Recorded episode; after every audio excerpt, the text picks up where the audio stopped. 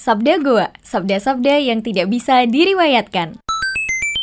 Jadi kita tunggu Bapak Haidar Nasir jika ingin masuk ke kita boleh nih. Boleh. Boleh. Sabda gua diganti sabdamu boleh. Bu, bu, bener bener, boleh bener. Tadi kamu kamu agak kamu prank nggak? Jadi kamu gali tapi kamu sempitin. Jadi kayak "Eh, ini orang pelit gitu. Kita peringati sebagai Hari Anti Kekerasan Terhadap Perempuan Internasional.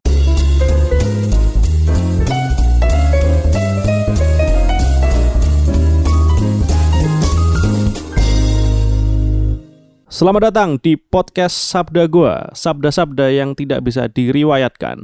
Tetap dan selalu bersama duet Muktamirin andalan Anda. Ada saya, Haidar Nasir dan juga ada Aduh aku ngerti eh, tokoh-tokoh Muhammadiyah mana? Ah. Ada Dim Samsudin di Ya, sini. boleh, boleh, boleh, bisa, bisa. Bisa. Selamat datang ya di podcast minggu keempat tentang trivia. Bukan betul. keempat eh, bulan November gitu. November 2022 karena kita meyakini bahwa podcast ini akan sampai bertahun-tahun. Ya, dan akan orang tuh akan merecall lagi untuk mendengarkannya gitu. Benar, benar. Jadi eh, kita harus tetap konsisten eh, dari awal. Tuh. Selamat hari Jumat. Selamat hari Jumat karena hari Jumat dan Hmm. kemudian selamat juga untuk pimpinan pusat Muhammadiyah yang telah terpilih gitu ya. Pekan ini ketuanya ada Pak Haidar Nasir selaku saya sendiri gitu dan juga sekretaris saya ada Pak Abdul Mukti Iya. lewat Muktamar di Solo yang sukses dimeriahkan. Memang ya, memang Betul. ini kita eh, menasbihkan diri eh, dari episode kemarin. Ya kalau kita podcast Buzzer Muhammadiyah. Betul. Betul. teman kita kan juga ada tuh teman dari Sabda Gua sendiri ya, dari kru Sabda Gua yang ikut meramaikan Muktamar ke Solo lewat kampungnya tuh. Mm-mm. Keren banget. Kabarnya bedol desa ya. Betul desa karena satu desa berangkat. Eh, karena Jadi- menggunakan eh, bis double decker ya. Ya, jadi emang membuka celah untuk pencuri-pencuri yang Idul Fitri tapi ini menemukan celah di hari Muktamar. gitu. Dilihat mana yang kalau malam lampu rumahnya itu masih nyala. Eh kalau siang berarti rumahnya kosong. Oh, benar. Bisa dicolong gitu. Tapi nggak terjadi. Enggak terjadi. Itulah so, Muhammadiyah emang solid, Bro. Akar rumput itu selalu uh, kompak memeriahkan acara-acara besar di Muhammadiyah itu sendiri.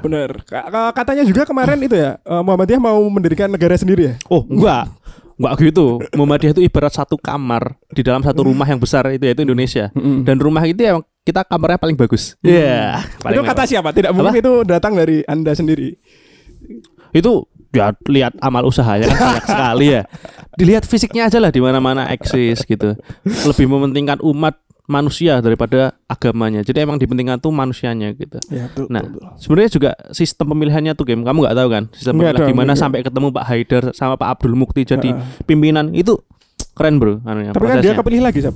Kepilih lagi. Iya. Dua, dua periode berarti. Betul. Nggak nyampe tiga di Muhammadiyah nggak boleh. Oh, enggak boleh ya. Mentok dua. Oh, mentok dua. Heeh. Ada itu enggak kayak eh, apa ya namanya kayak fak, fakta bukan fakta sih. Apa sih namanya? Yang apa? Kayak eh, dekret presiden gitu enggak? Dekret presiden. Oh, boleh di- gitu?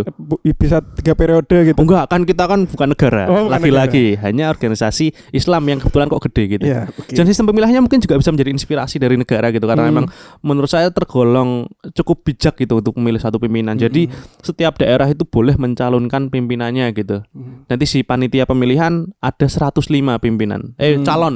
Calon ketua umum. Nah, Hmm.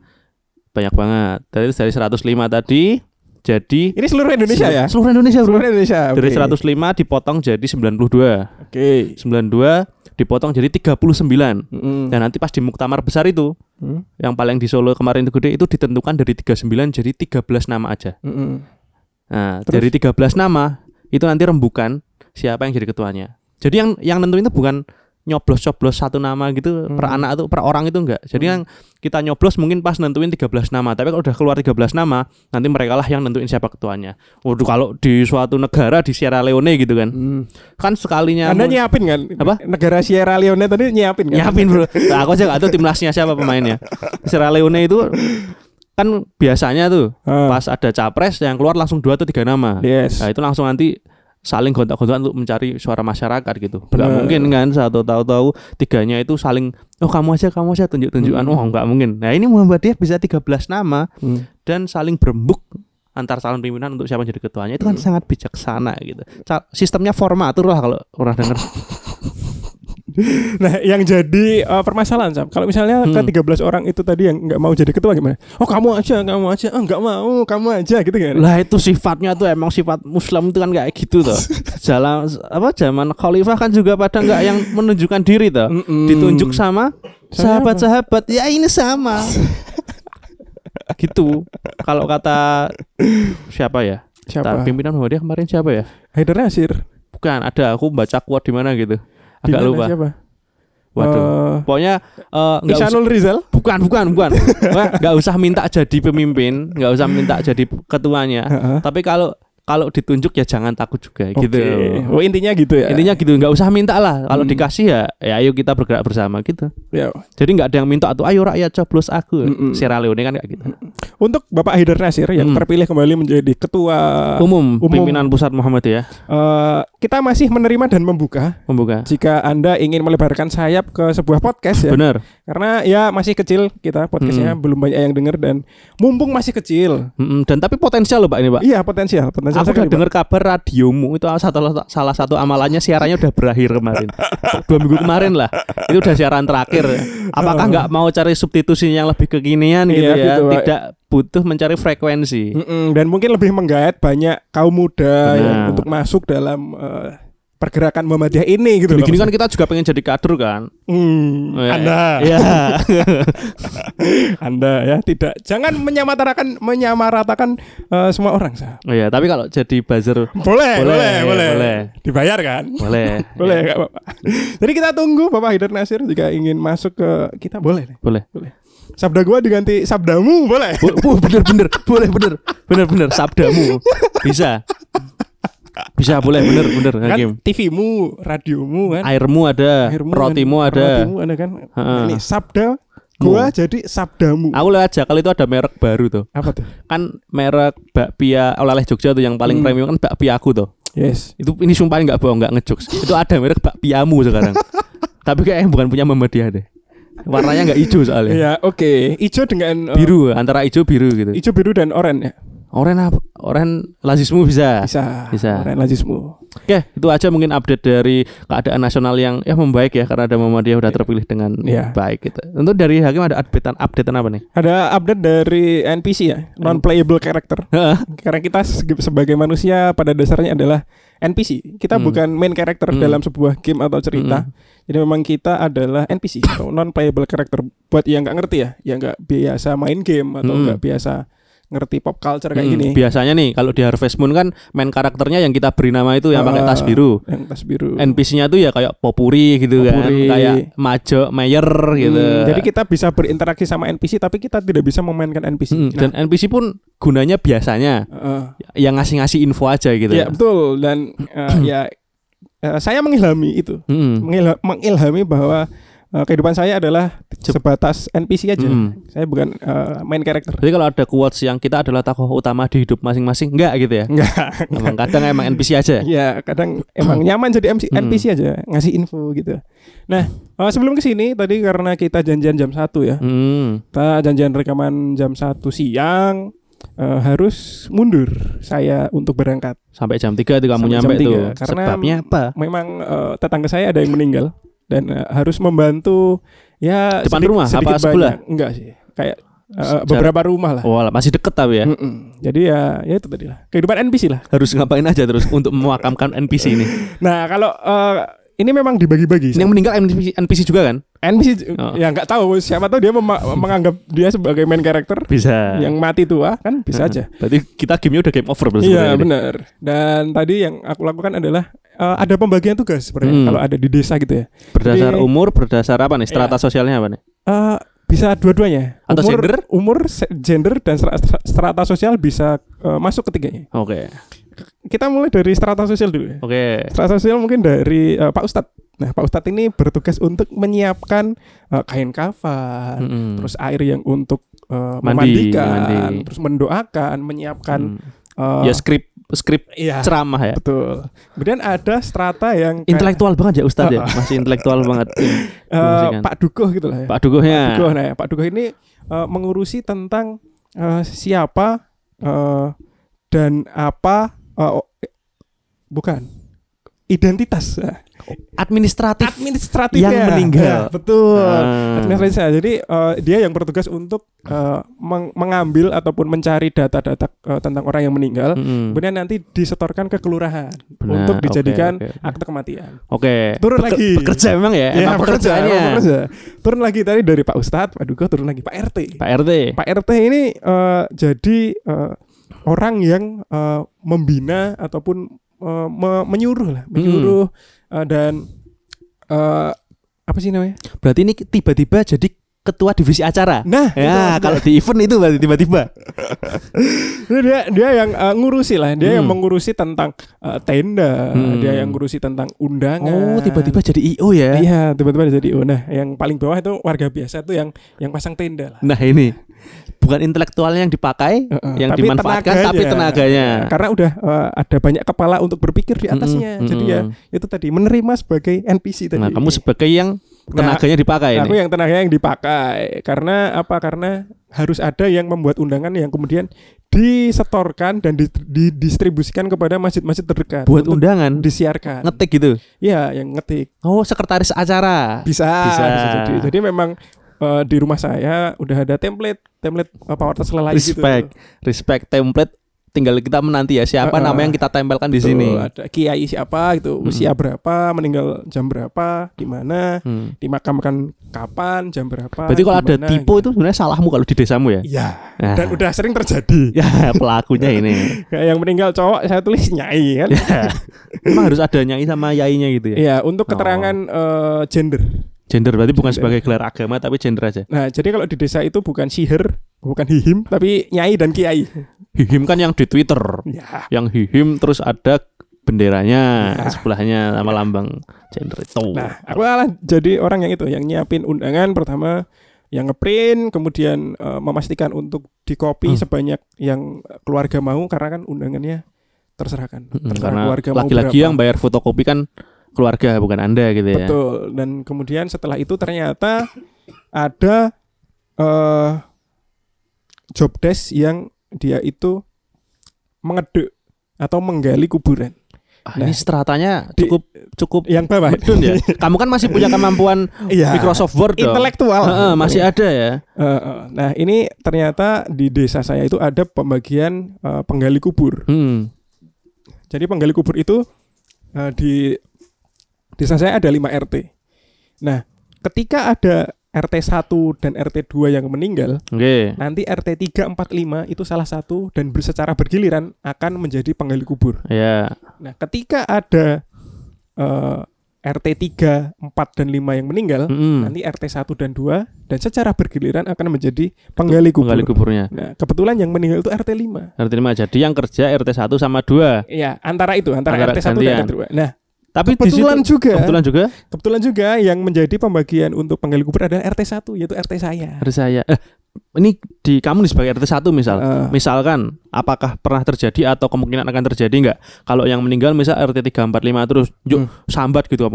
Wah, lo yang meninggal kono-kono terus ini. Sing dadi kene sing nyambut gawe terus gitu. enggak, Pernah enggak, nggak? Nggak enggak, pernah. enggak. Karena meninggalnya orang kan eh, jadi indikator untuk kesehatan dan juga usia. Mm-mm. Berarti eh, usia RT 1 dan RT 2 itu adalah usia-usia produktif Oke. dan juga eh, kesehatannya terjaga. terjaga. Nah, itu sebagai indikator bahwa RT 1 dan RT 2 lebih makmur daripada Nah. RT 3 4 5. Berarti nyambut gawe nggak apa-apa. Enggak apa-apa. Yang penting Dora meninggal. Ya. Nah, Ya walaupun pasti ak- Akan akan, ada. ada. saatnya kita meninggal. mm-mm. Begitu.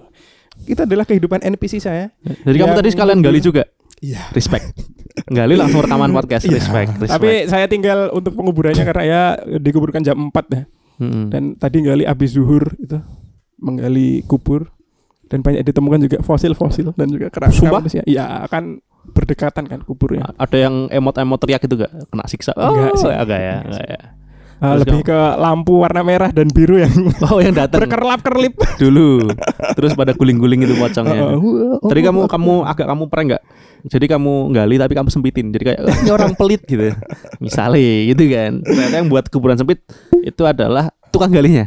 Bukan amalan dari sang mayit gitu. enggak. Enggak ya. Enggak. Tetap manusiawi. Kalau kamu buat orang dermawan ya kamu buat satu kamar kos-kosan tiga kali empat. Enggak, itu. iya. Masalahnya saya suka komedi tapi tidak juga di makam. Ya. juga di liang kubur enggak. Enggak.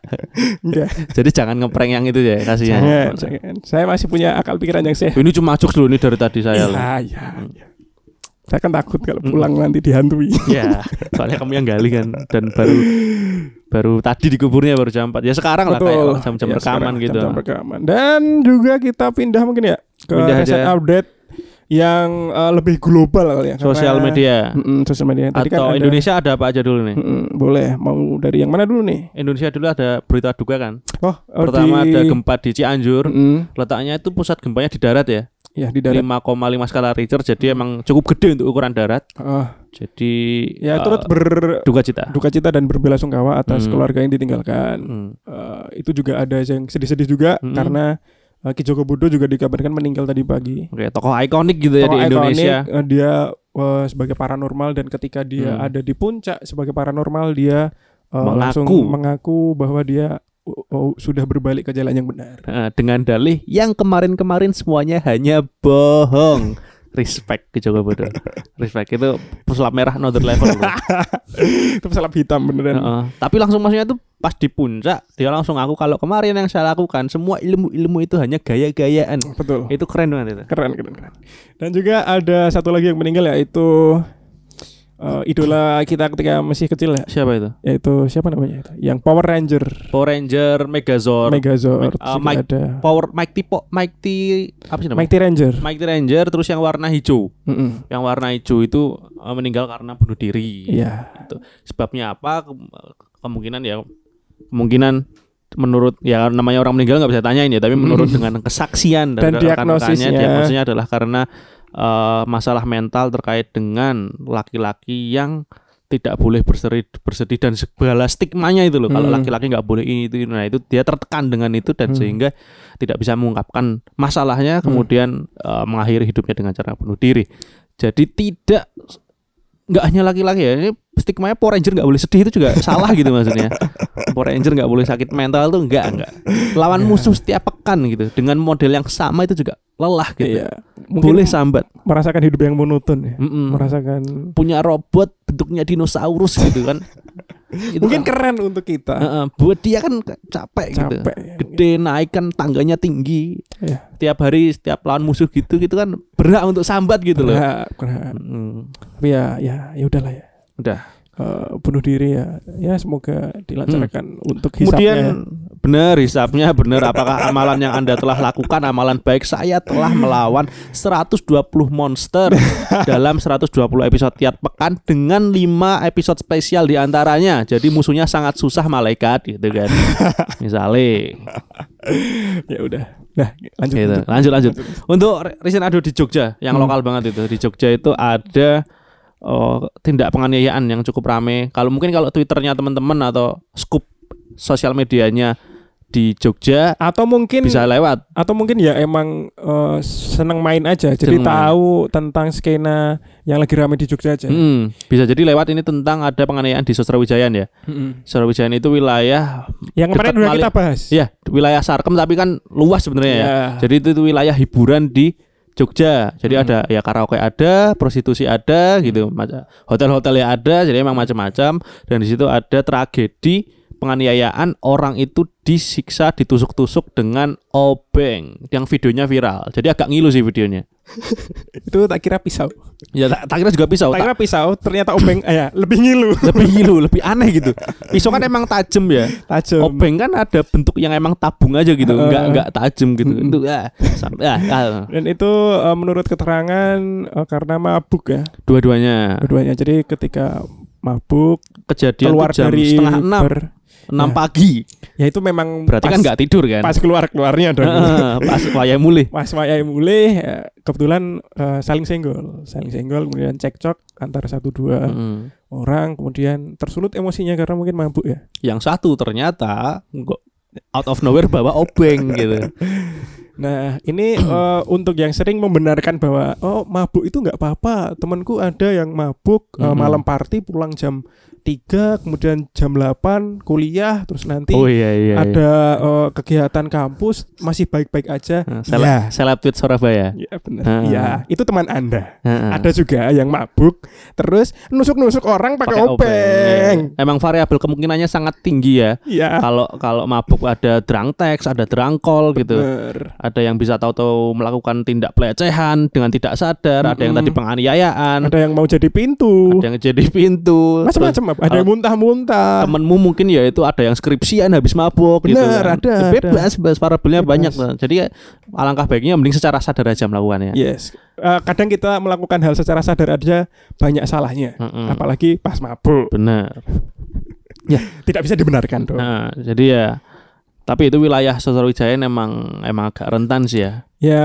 di Jogja gitu ya untuk yang daerahnya red, tuh red, red district. Red District bisa bisa bisa. Situ terus ada mana lagi? Jalan Magelang. Tapi itu Jalan emang agak yang mewah ya kalau Jalan Magelang. Yang mana?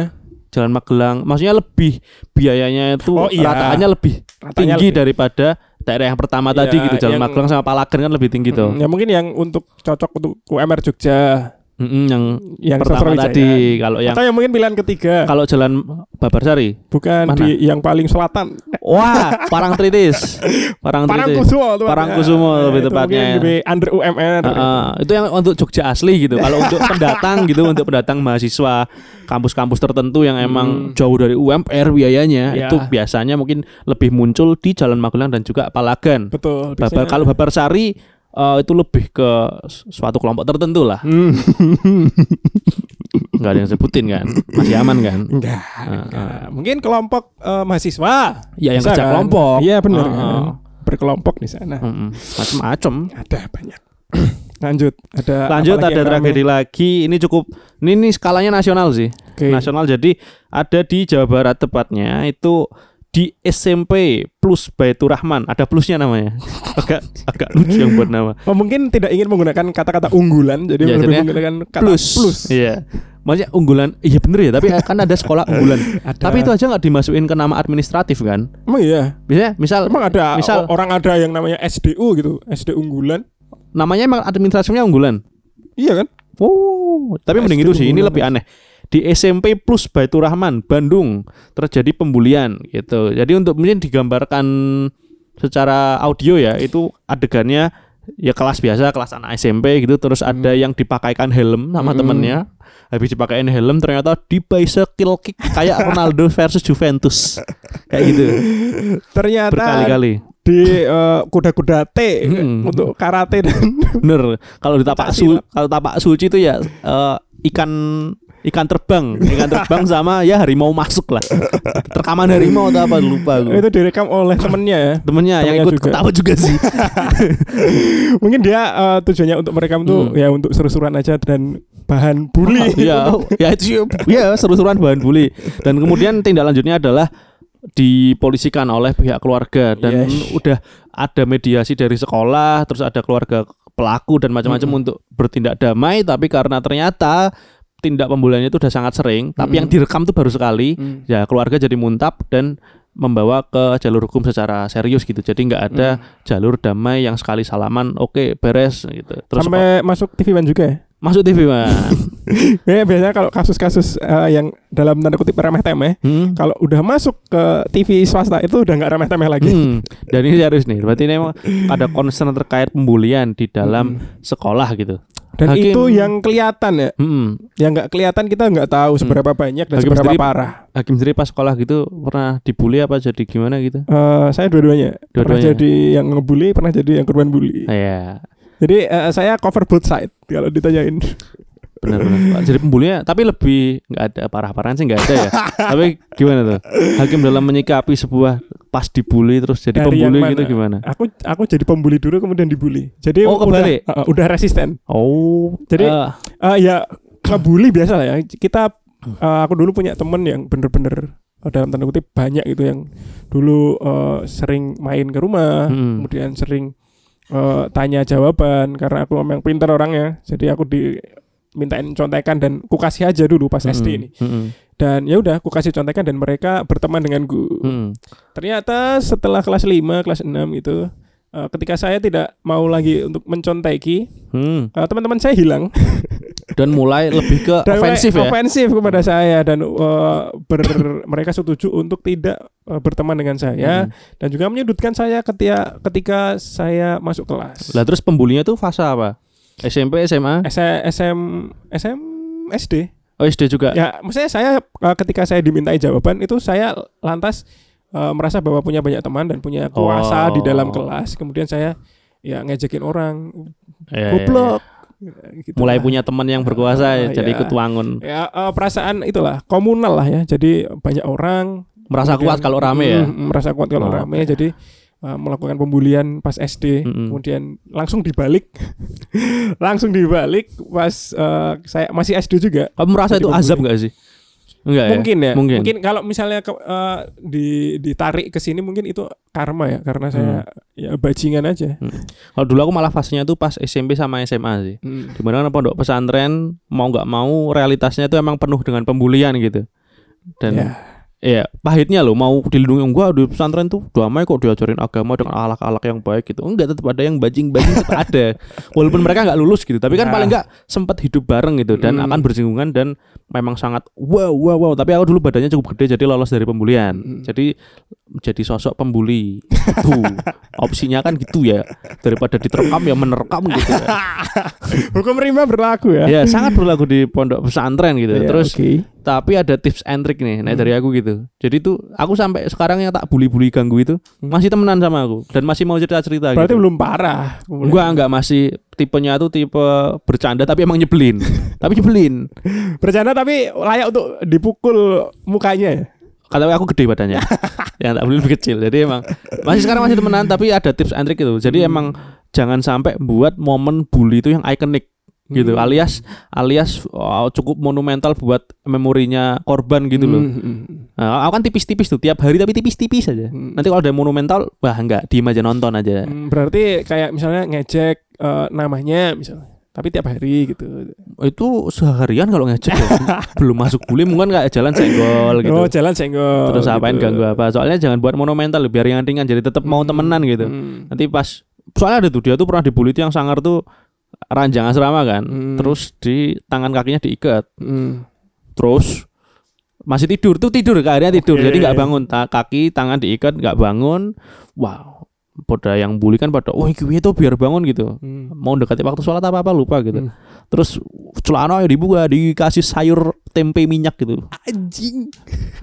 itu itu itu kan ikonik kan Anjing. itu pas SMP terus pas SMA tuh pernah yang eh, dia tidur di kasur terus ditumpuk jadi di lantai Hmm. kasur lantai dia tidur mau masuk asar mau dibangunin nggak bisa terus ditumpuk sama kasur lagi Hmm. jadi kayak ya sandwich sari roti itu ya itu enggak atas kasur kasur dalamnya Ya, dia heeh. dalamnya dia terus dibang nggak bangun tuh gelap kan itu nggak bangun malah tambah nyaman dong tidur dengan keadaan Hmm. gelap. Dibuat lari atas kasurnya diinjek-injek. Wah itu sangat ikonik itu. Itu sholat asar dengan menangis itu tahiyat tahiyat akhirnya. Itu itu aku simpati kali itu tak temenin habis itu. Makanya kan aku masih ringan masih ti- tipe bercanda gitu bulinya. Eh, itu tak temenin kasihan banget. Nah itu kan ikonik ya. Hmm. jadi walaupun aku sekelas 6 tahun jadi aku konsisten 6 tahun tuh kayak gitu Hmm. konsisten ngece maksudnya Jadi Nah, eh, tapi dia bencinya sa- terbiasa kali ya. Iya, tapi sama sama yang na ikonik tadi beberapa nama walaupun bulinya nggak tiap hari Mm-mm. tapi sekali bully sang sangat menyakiti fisik dan hati itu jadinya kayak bencinya sama yang itu sih Oke. nah, tak ajak ngobrol gitu Itu adalah tips and trick untuk pembulian terhadap Sabdi ya. Eh, Uh, dari Sabdi. dari ya? Sabdi jangan buat momen yang ikonik gitu Hmm. jangan keterlaluan lah Oke. tapi j- kalau mau baik suci ya alangkah baiknya nggak apa-apa kalau aku sih nggak bisa Tapi kalau menurutmu eh, sebagai seorang pembuli, apakah eh, kita bisa dekat dengan orang tanpa pembulian? Dan apakah kita bisa men menidak sukai orang tanpa pembulian di eh, umur-umur SMP, SD mungkin? Ha, untuk akrab gitu jadi Hmm. harus lewat pembulian atau gimana Iya, maksudnya kayak apa sih atas dasar apa sih pembulian ini terjadi gitu loh biasanya? Maksud Oh, eh, kan Kalau kita atas ya, yang terjadi kalau SD, SMP, SMA tuh jelas hukum rimbanya sih. Kelihatan siapa yang dominan Hmm. di kelompok itu pasti bisa jadi pembuli terus nanti ya udah mengambil masa jaya lebih cepat aja gitu.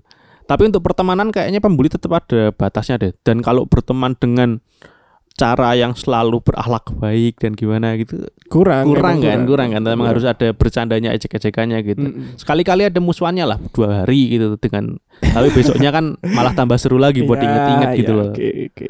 Tapi kalau menurutku eh, pembulian itu kalau misalnya anggapannya untuk dekat itu bukan pembulian. Pembulian itu kalau udah parah dan dia sudah merasa korbannya ini udah merasa sakit hati kalau menurutku. tapi kan masalah diksinya toh masalah diksinya tuh sekarang ngejek dianggap bully apa dianggap Iya. bully padahal bisa jadi itu sama-sama oke gitu Iya. saling balas membales tapi nanti orang tuanya denger langsung wah Hmm. anak saya dibully Bisa berdoa aja. ya emang gaya bergaulnya kayak gitu dan nggak ada yang merasa tersakiti gitu loh Mm-mm. Atau mungkin kita bisa membatasi bahwa bully yang tidak eh, appropriate adalah bully yang sudah menggunakan kekerasan fisik ya. perasaan fisik ya itu jelas nggak boleh sih Eh, sebercanda apa pun ya.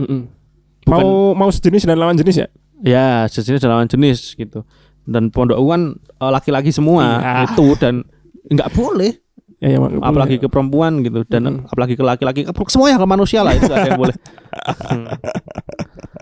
gitu tapi ada loh dulu pembulian di asrama aku tuh terkait dengan kucing Eh? diantemi baru gue di, ah, orang yang Eh, ansos se- gitu se- se- sebentar, kasusnya gimana kok kucing? Orangnya Jadi ada tuh- kucing. orangnya tuh antisosial nggak punya temen Oke, punya ibu lah ya. apa itu kebetulan itu bukan bukan stereotip lah tapi kebetulan ya kebetulan Ya. kebetulan juga agak gempal dan berkacamata dan Oke, bau Oke. itu kebetulan kebetulan Mm-mm. dia wibu Mm-mm. tapi cukup stereotipnya cukup tepat Iya, gitu. terus terus habis itu? terus ya karena nggak punya temen out of nowhere gitu Mm-mm. dia dilihat ustadz dia lagi matah-matain kaki kucing Ah, hidup hidup hidup ini kucing loh kamu jangan bilang anjing ya, kucing gitu anjing kucing maksudnya. Iya iya. Ketahuan matah gitu. matahin kaki kucing. Kakinya dipatahin. Masih dan ya sehat lagi sih kucingnya. Tapi maksudnya eh kucingnya sehat lagi dirawat Maksudnya- sama anak-anak asrama. Oh jadi bentuk pertanggungjawaban Heeh. anak asrama terhadap namanya siapa? kucingnya. Namanya inget ya Hah? Nama, nama kucingnya itu loh. Kaos kaki. Namanya. Wah, lupa aku itu dipatahin Bangsat. tangannya toh. Eh kakinya ya kan kita kaki nggak tahu ya. tangan apa. Bener bener. Tapi ya, kalau biologi ya ekstremitas lah. Ah, ah. bagian ekstremitasnya itu dipatahin gitu alat geraknya. Kemudian ya udah terus dimarahin ustad terus diantemi ya. Wajar sih. Bener-bener uh, satu angkatan bersatu untuk ngantemi orang itu. Ya bulunya tuh maksudnya dia korban bully nih. Yo balasnya jangan ke kucing dong. Kucing kan nggak ikut gitu. Ya. Bangsa wah untung dulu tidak ada Twitter ya. Kalau Oh, itu ada Twitter ya serang diviralkan langsung gitu. Eh, tutup usia nasional. itu. Pondok saya terancam tutup. Pondok penyiksa kucing. Wah bisa diserang dan dihujat oleh SJW Hmm. kucing sa Indonesia itu. Parah banget. Benar.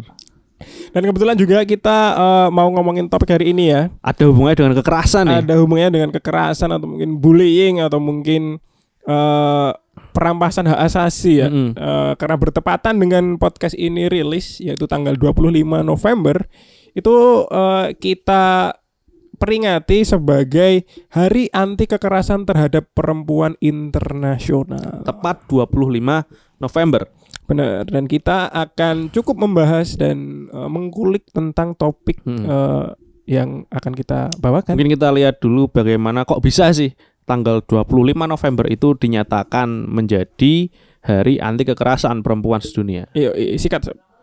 Oke, jadi awalnya itu adalah 25 November itu di tahun 1981 ya. Yes. Itu dinyatakan PBB menjadi Hari Anti Kekerasan Perempuan Sedunia. Mm-mm. Pemicunya apa? Pemicu adalah kematian aktivis perempuan Hmm. di Republik Dominika. Mm-mm. Jadi cukup unik nih. Yes. Tidak ada tidak di negara yang populer gitu, nggak Mm-mm. nggak seperti Inggris atau Mm-mm. negara Eropa atau Amerika gitu. Mm-mm. Itu ada di Republik Dominika Mm-mm. dengan kematian yang namanya itu Mirab Mirabel bersaudara. Mirabel bersaudara. Jadi Mm-mm. ada tiga eh, perempuan yang eh, ya bersaudara. Hmm, ada, ada yang namanya Patricia. Patria, Belgi, Belgika, Minerva dan Maria Teresa. Jadi ada empat Benar. empat bersaudara yang waktu itu meninggal Mm-mm. tepatnya dibunuh kemudian tanggal 20 November dia meninggal dinyatakan sebagai Hari Anti Kekerasan Perempuan Sedunia. Kenapa kok bisa dibunuh gitu? Jadi eh di latar belakangnya di Dominika dulu ya. Republik Dominika ini kan jajahan Spanyol gitu, jajahan Spanyol dan masih menyisakan budaya machisme atau eh, Macoisme. machoisme atau ekspresi kejantanan dan maskulinitas yang berlebihan dan agresif. Jadi ada catatan agresifnya ya. Masih sangat kental dan dominan setelah negara Dominika dijajah oleh bangsa Spanyol dan Portugis sehingga perempuan sering kali dianggap sebagai objek belaka dan manusia pasif gitu. Jadi Ah. masih patriarki di sana, bahkan ini machoisme namanya itu Yes. sangat kental. Jadi Lebih per- tinggi Heeh. kadarnya dari patriarki. Jadi emang manusia perempuan dijadiin objek dan eh, kebetulan pada masa itu 1930 tahunnya Mm-mm. itu ada diktator negara Dominika yang memang hobi mempermainkan perempuan tadi. Yes, Namanya namanya, Trujillo. Trujillo. Kemudian itu dia kekuasaannya itu 1930 sampai 1960. Ya. Nah, itu eh, berangkat dari latar belakang militer kemudian jadi pemimpin negara di sana. Mm. Dia dikenal sebagai pertama itu pemimpin yang mesum gitu. Jadi Hmm. anak-anak gadis di sana itu dilecehkan secara terbuka langsung Yes. tapi nggak ada yang berani melawan karena emang pemimpin negara diktator gitu daripada Mm. ditangkap terus dia rekor dalam pernikahannya juga cukup berantakan cukup wer wer wer. Heeh, jadi istri pertama itu diceraikan Yes. karena miskin latar belakangnya jadi dia malu menjadi pemimpin negara tapi istrinya itu miskin Mm-mm. terus nikah lagi sama yang secara strata sosial lebih tinggi Mm-mm. kemudian diceraikan lagi Mm-mm. karena lebih memilih selingkuhannya nah gitu terus baru nikah sama yang selingkuhannya itu Mm-mm, Jadi dan- emang eh, track record dalam dunia perwanitaannya cukup liar ini si Yes. Trujillo. Bapak Trujillo. Pak Trujillo. Se- nah, kemudian pada suatu hari dia ini Ada anomali ya. ada anomali dia mengajak dia menggoda lah, menggoda dan melecehkan si Minerva, Mm. Minerva Mirabel ini. Nah, Yes. tapi Minerva Mirabel kemudian eh, menolak dan menolak undangan dari Hmm. kan di, habis di sepik-sepik Ya. diajak ketemu kan. Diundang pesta. Heeh, tapi kemudian ya Mira- Minerva udah tahu udah arahnya mau ke mana nih, ya, Yes. nih Bapak Trujillo. Mm-mm. Kemudian ditolak, nggak didatengin dan Bapak Trujillo merasa tersinggung sehingga Yes. Minerva ini di blacklist. Mm-mm. Jadi bukan ditangkap pada saat itu juga ya. Mm-mm. Jadi Minerva udah ter- terlanjur pergi gitu. Mm-mm. Nah, Minerva dan keluarga kemudian pergi, kemudian eh, Minerva mendapatkan jodoh. Yes. Itu seorang laki-laki yang kebetulan aktivis pelawan pemerintah di Dominika. Ya, Jadi bagi- namanya Manolo Tavares Justo. Wah, namanya udah nama-nama aktivis banget. Yes. Enggak sih itu nama Spanyol mas-mas biasanya. Cuma karena di di sini jadi keren gitu ya. Eh, dan eh, si Manolo Tavares Justo ini eh, seorang bendahara dari gerakan 14 Juni ya, melawan kediktatoran si Trujillo Hmm, tadi. jadi eh, Minerva dan suami ini bagi Trujillo ya pertama udah di blacklist si Minerva ya kedua malah jadi teroris negara. Iya, bagi Gitu. Bagi- Trujillo. Bagi Trujillo bagi Dominika saat itu Iya. gitu. Nah, kemudian eh, bagaimana kok bisa Minerva jadi korban pembunuhan itu karena setelah aktivitas bagaimana teror aktivitas aktivisnya tadi ya untuk melawan negara kemudian akhirnya suang suami itu ditangkap tapi yang lain aman gitu nah pada saat momen mau menjenguk keluarga jadi Minerva bersama Mirabel bersaudara ya semuanya tadi berempat itu mau menjenguk suami di penjara di ya. penjara kemudian ditangkap oleh Trujillo bukan Trujillo langsung oleh Kaki tangannya ya. oleh kaki tangan Trujillo dan dibunuh di tempat di mobil Mm-mm. kemudian disiksa dulu. Disiksa, Sebelum dibunuh disiksa dulu. dibunuh kemudian Dicekik. dibuat seakan-akan ini meninggal karena kecelakaan mobil Hmm, gitu benar. dan Jadi- kemudian eh, kematian Minerva ini memicu keputusan ya Hmm. keputusan dari aktivis-aktivis perempuan juga yang selanjutnya kemudian jadi ikonik dan oleh PBB itu dijadikan hari anti kekerasan perempuan gitu. Mm-mm. Jadi eh, ketika tanggal 25 November tahun 1960-an tadi, eh 90 ya? 60-an kalau 60-an. meninggalnya Eh, itu dijadikan sebagai eh, simbol untuk perlawanan kekerasan terhadap perempuan oleh PBB. Nah, eh, selang sekitar 30 tahun eh, setelah kejadian itu, pada tanggal 20 Desember eh, 1993, eh, Majelis Umum PBB ini mengadopsi deklarasi penghapusan kekerasan terhadap perempuan melalui resolusi 48 per 104. Nah, hal ini juga yang kemudian membuka jalan menuju eh, pemberantasan kekerasan terhadap perempuan di dunia. Eh, selang tujuh tahun, tepatnya pada 7 Februari dua- tahun 2000, Majelis Umum PBB ini mengadopsi resolusi 54 per 134 yang secara resmi menetapkan 25 November sebagai hari anti kekerasan terhadap perempuan internasional. Nah, sejak saat itulah tanggal 20 November ini diperingati 25? sebagai oh, tanggal 25 November ini diperingati sebagai hari anti kekerasan terhadap perempuan internasional tiap tahun. Dan masa perayaannya ternyata tidak hanya sehari Kim ya. Yes. Dijadikan resmi itu 25 sampai 10 Desember. Mm-mm. Karena dirasa satu hari itu tidak cukup untuk membahas kaitannya dengan isu-isu keperempuanan. Yes, dan Jadi tidak sampai- juga eh, cukup untuk eh, apa ya? Building eh, story and building eh, gerakan ya, Iya. Membangun gerakan untuk eh, kesadaran atas eh, kekerasan terhadap wanita. Mm-mm. Dan kemudian ternyata emang bertepatan pada 20 25 November sampai 2 10 Desember itu ada hari-hari yang berkaitan dengan keadilan HAM yang lain gitu. Yes. Dan eh, dijadikan sebuah kampanye yang saling berkaitan dan berurutan oleh PBB gitu Mm-mm. biar dan ber- lah. berkelanjutan juga Mm-mm. dan saling eh, terhubung satu sama lain. Eh, ketika tanggal 25 dipengra- diperingati sebagai Hari Internasional untuk penghapusan kekerasan terhadap perempuan, tanggal 29 November ini diperingati sebagai Hari Perempuan Pembela Hak Asasi Manusia. Nah, kemudian dilanjutkan 1 Desember itu ada Hari AIDS sedunia gitu. Disusul juga pada tanggal 2 Desember untuk Hari Internasional untuk Penghapusan Perbudakan. Dan 3 Desember selisih sehari setelahnya ada Hari Internasional bagi penyandang disabilitas. Hmm. Dua hari setelahnya, tanggal 5 Desember ini diperingati sebagai Hari Internasional bagi Sukarelawan. Oke. 6 Desember besoknya lagi langsung padat banget ini. Hari ada hari tidak ada toleransi bagi kekerasan terhadap perempuan. Yes, kemudian eh, tanggal 9 ini eh, selisih tiga hari ya. Ada Hari Pembela HAM sedunia. Dan terakhir 10 Desember sebagai penutup ada Hari HAM Internasional.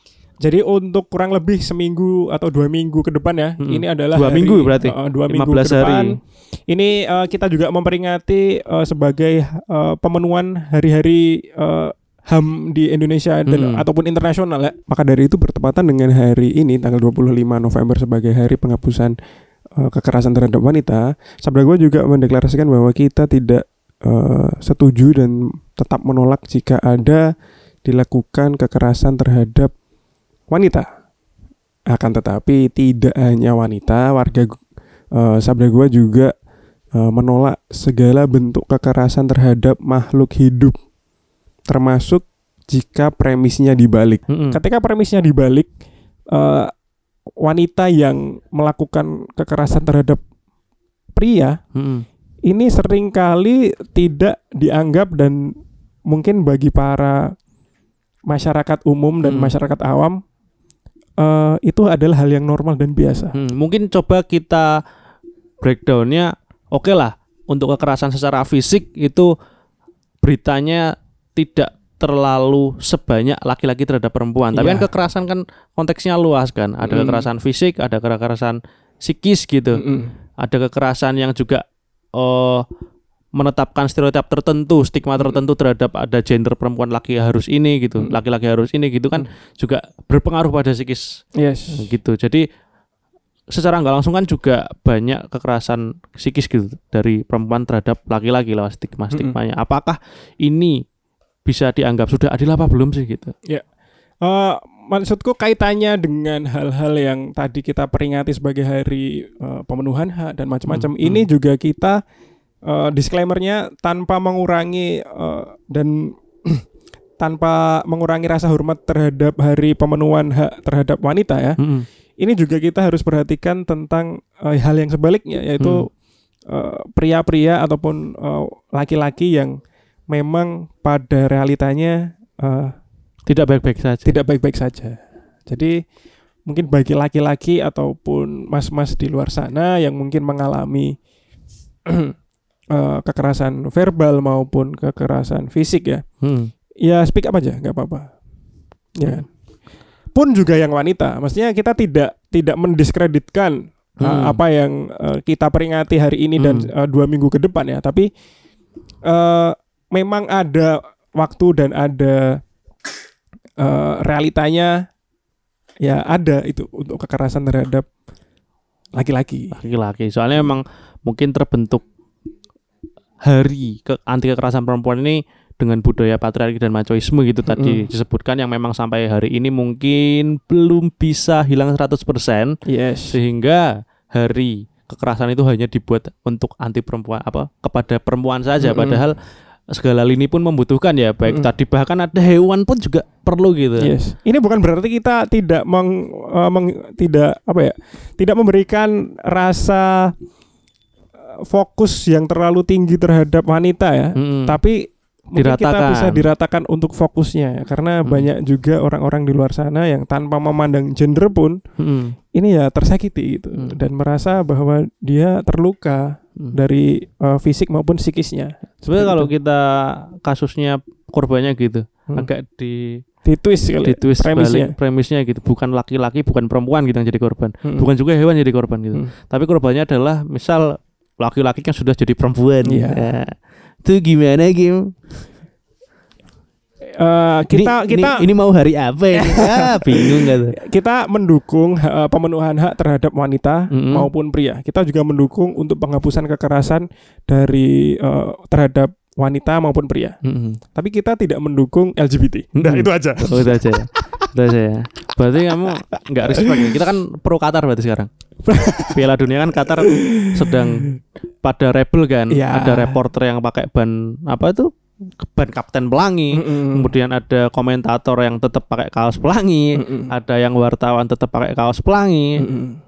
kita melawan itu ya? Kita melawan eh, konsep tentang hal-hal yang seperti itu dan Mm-mm. kita melawan eh, apa ya pemikiran-pemikiran yang seperti itu. Tapi kita jangan sampai melawan dengan kekerasan. Seperti itu aja. Karena eh, apa gunanya jika kita melawan dengan kekerasan? Nanti nanti kita dilawan balik malah piye-piye sendiri Iya, maksudnya walaupun kayaknya kan mayoritas sih maksudnya aku ngece banci terus eh, diantemi banci ya aku wegah juga. Nah pertanyaan soalnya emang secara variabel kemungkinan dia juga kuat Nah, iya betul. karena sama-sama laki-laki secara biologis ya. Ya, secara terserah biologis. secara mental dan secara yang dia pahami secara seji- kejiwaan terserah. Iya. Tapi secara biologis sama-sama kuat. dan kemungkinan kalahnya itu ada, kemungkinan sakitnya juga ada. Heeh. Dan eh, ini juga deklarasi sabda gua terhadap hari tanggal 25 November ini ya Hmm. untuk eh, mendukung eh, penghapusan kekerasan terhadap wanita, pria dan makhluk hidup makhluk hidup lain yang Hmm. mempunyai hak untuk hidup di dunia. Hmm. Nggak cuma wanita doang, nggak cuma eh, laki-laki doang, nggak Hmm. cuma hewan doang. Eh, terserah gendermu apa, terserah kamu men- mendeskripsikan dirimu sebagai apa, eh, tapi kamu berhak hidup. Tapi Hmm. untuk menyebarkan hal-hal yang LGBT gitu, kita mendeklarasikan bahwa kita menolak. Tapi tidak dengan kekerasan. Betul. Karena kita harus menghapuskan kekerasan dari dunia ini. Begitu. Oke. Mungkin seperti itu saja eh, dan agak berbelit-belit ya mungkin tadi beberapa bagi- bagian Hmm. karena kita tidak di eh, rumah karena kita sedang away day Away di day ke- Gamping FC Benar, nggak disenggotan enggak di enggak di Sengkatan FC dan eh, terima kasih juga untuk eh, Mas Fahri ya Mas Fahri sebagai selaku tuan rumah. sebagai tuan rumah Ya, yang mungkin mengizinkan Di kita ada rekaman ya episode beberapa berikutnya bisa jadi hadir, tapi masih dirumuskan gitu ya benar ya udah mungkin gitu aja ya Uh, terima kasih telah mendengar episode ini sampai sekarang. Uh, just in case you don't listen to us again, good morning, good afternoon, and good night. Yoroshiku mas.